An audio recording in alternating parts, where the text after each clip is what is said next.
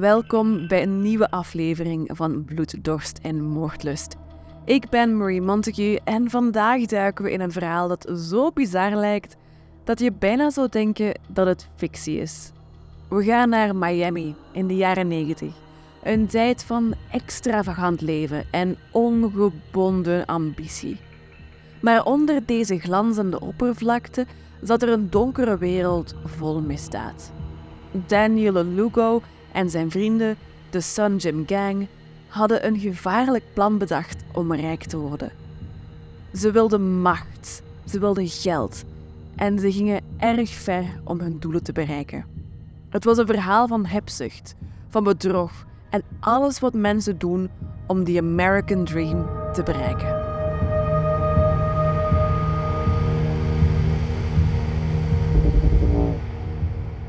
Het begon allemaal in de vroege jaren 1990. Miami was een stad die bekend stond om haar witte stranden, haar bruisende nachtleven en haar kleurrijke cultuur. Maar het was ook een plek, niet ver van de glinsterende skyline, waar een heel ander soort verhaal zich ontvouwde. De Sun Gym, een fitnesscentrum in Miami Lakes, werd het toneel van een van de meest bizarre criminele plannen in de recente Amerikaanse geschiedenis. Daniel Lugo, een charismatische maar gecompliceerde man, was de speelfiguur van dit verhaal. Voormalig bodybuilder en personal trainer Lugo was iemand die altijd maar meer wilde. Meer geld, meer succes, meer erkenning. Maar zijn ambities overstegen de grenzen van de wet. In 1991 werd Lugo aangenomen als manager bij Sun. Het was een gym zoals vele andere. Totdat Lugo besloot dat het tijd was om zijn American Dream te verwezenlijken. Maar zijn methode? Alles behalve gewoon. Hij bedacht een plan dat meer weggaat van een Hollywood script dan van de realiteit. Een plan dat draaide om ontvoering, afpersing en uiteindelijk onvoorstelbaar geweld. Daniel Lugo wist een groep mannen om zich heen te verzamelen, die bekend zouden worden als de Sun Gym Gang. En deze mannen waren net als Lugo, groot, sterk en hunkerend naar meer. En wat volgde was een reeks gebeurtenissen die Miami op zijn grondvesten zou doen daveren. We duiken dieper in de psyche van Daniel Lugo, een man die, hoewel charmant en slim, een erg vertekend beeld had van rechtvaardigheid en moraliteit. Zijn plan, hoe krankzinnig ook, was in zijn ogen een snelle weg naar succes. En hij zag zichzelf als een soort Robin Hood. Maar hij vergat daarbij dat hij geen rijken beroofde om de armen te helpen. Nee, hij hielp enkel zichzelf en de Sun Gym Gang. Lugo's masterplan draaide om Mark Schiller, een welgestelde zakenman en lid van Sun Gym. Lugo geloofde dat Schiller zijn rijkdom niet verdiende en zag hem als een perfect doelwit voor zijn misdadige ambitie. Het idee was simpel, maar tegelijkertijd krankzinnig. Schiller ontvoeren, hem dwingen zijn bezittingen over te dragen en hem dan laten verdwijnen. Een perfect misdrijf, dacht Lugo. Geen spoor, geen problemen. De Sun Gym Gang, bestaande uit Adrian Doorbal, een trouwe vriend van Lugo en mede-bodybuilder, en Jorge Delgado, een voormalige crimineel, begon hun plannen in werking te zetten. Ze observeerden Schiller dagenlang, leerden zijn routines en zijn zwakheden.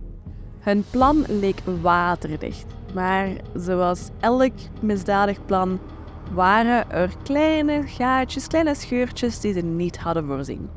In november van 1994 sloegen ze toe. Schiller werd op brute wijze ontvoerd en naar een afgelegen magazijn gebracht. Daar begon een maandenlange nachtmerrie. Schiller werd gemarteld, gedrogeerd en gedwongen om zijn vermogen over te dragen. Het was een spel van kat en muis, waarbij Lugo en zijn bende dachten dat ze de touwtjes stevig in handen hadden. Maar Schiller was sterker dan ze dachten.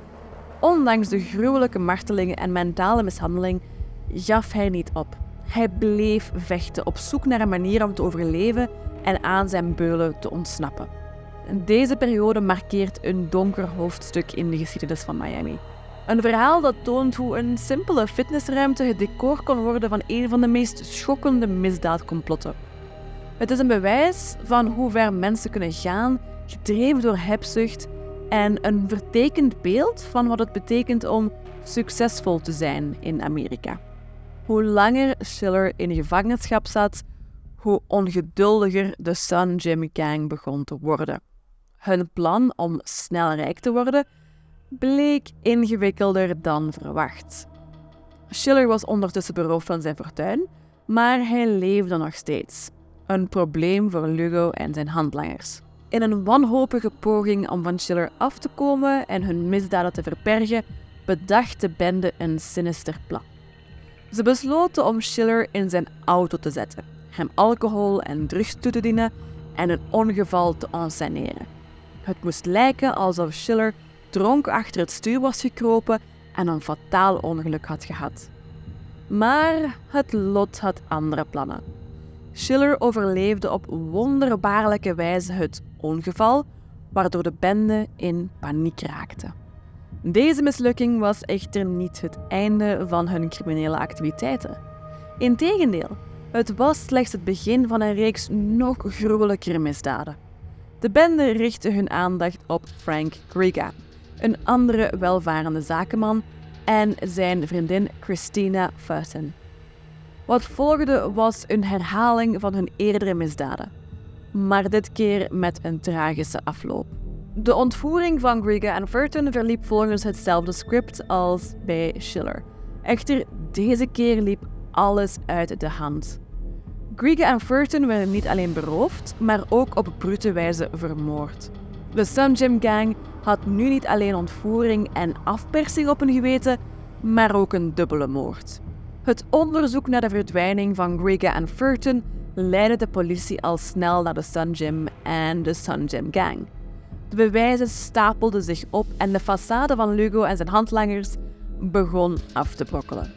De realiteit van hun gruweldaden kwam aan het licht en de jacht op de leden van de Sun Jim Gang werd ingezet. Dit was het begin van het eind voor Daniel Lugo en zijn vrienden. Een eind dat gekenmerkt wordt door arrestaties, rechtszaken en een onthulling van een van de meest bizarre en gruwelijke misdaadverhalen in de Amerikaanse geschiedenis. Wat volgde was een reeks gebeurtenissen die Miami zou schokken tot in zijn kern. Een verhaal van ontvoering en moord en een jacht op gerechtigheid die de Sun Jim Gang zou ontmaskeren als een van de meest beruchte criminele groepen in de recente geschiedenis van Miami.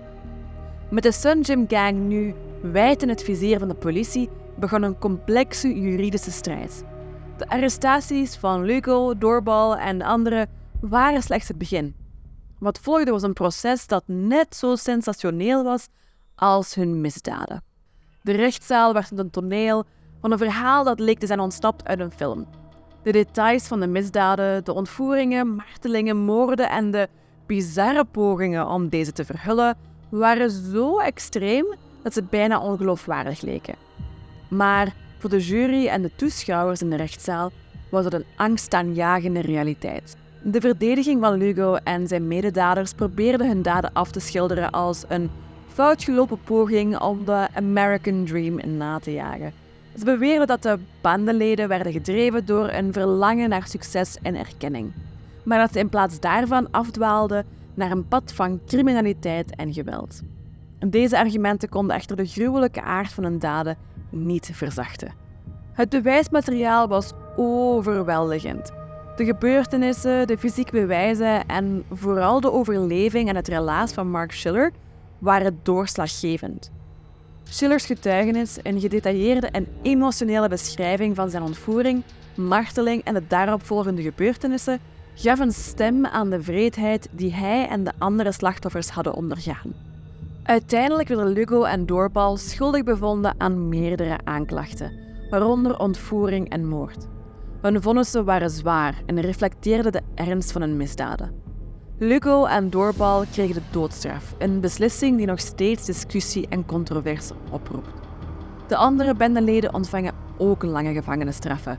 waarmee een hoofdstuk in deze verontrustende saga werd afgesloten. De nasleep van het proces liet een blijvende indruk achter op Miami en op de nationale psyche. Het verhaal van de Sun Gym Gang werd een donkere herinnering aan wat kan gebeuren als de zoektocht naar de American Dream verandert in een nachtmerrie van hebzucht en geweld. Terwijl we dit verhaal achter ons laten, nodig ik jullie uit om na te denken over een vraag die niet alleen betrekking heeft op de Sun Gang, maar op ons allemaal. Hoe ver zullen wij gaan om onze dromen te verwezenlijken? En wat zijn wij bereid om te riskeren of op te offeren in onze eigen zoektocht naar succes?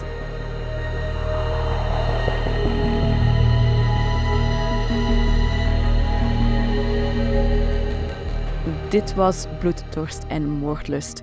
Een duik in de meest intrigerende en soms verontrustende verhalen uit de wereld van de misdaad. Ik ben Marie Montague en ik dank jullie voor het luisteren. Ik zie jullie hopelijk volgende maandag weer. Als je durft.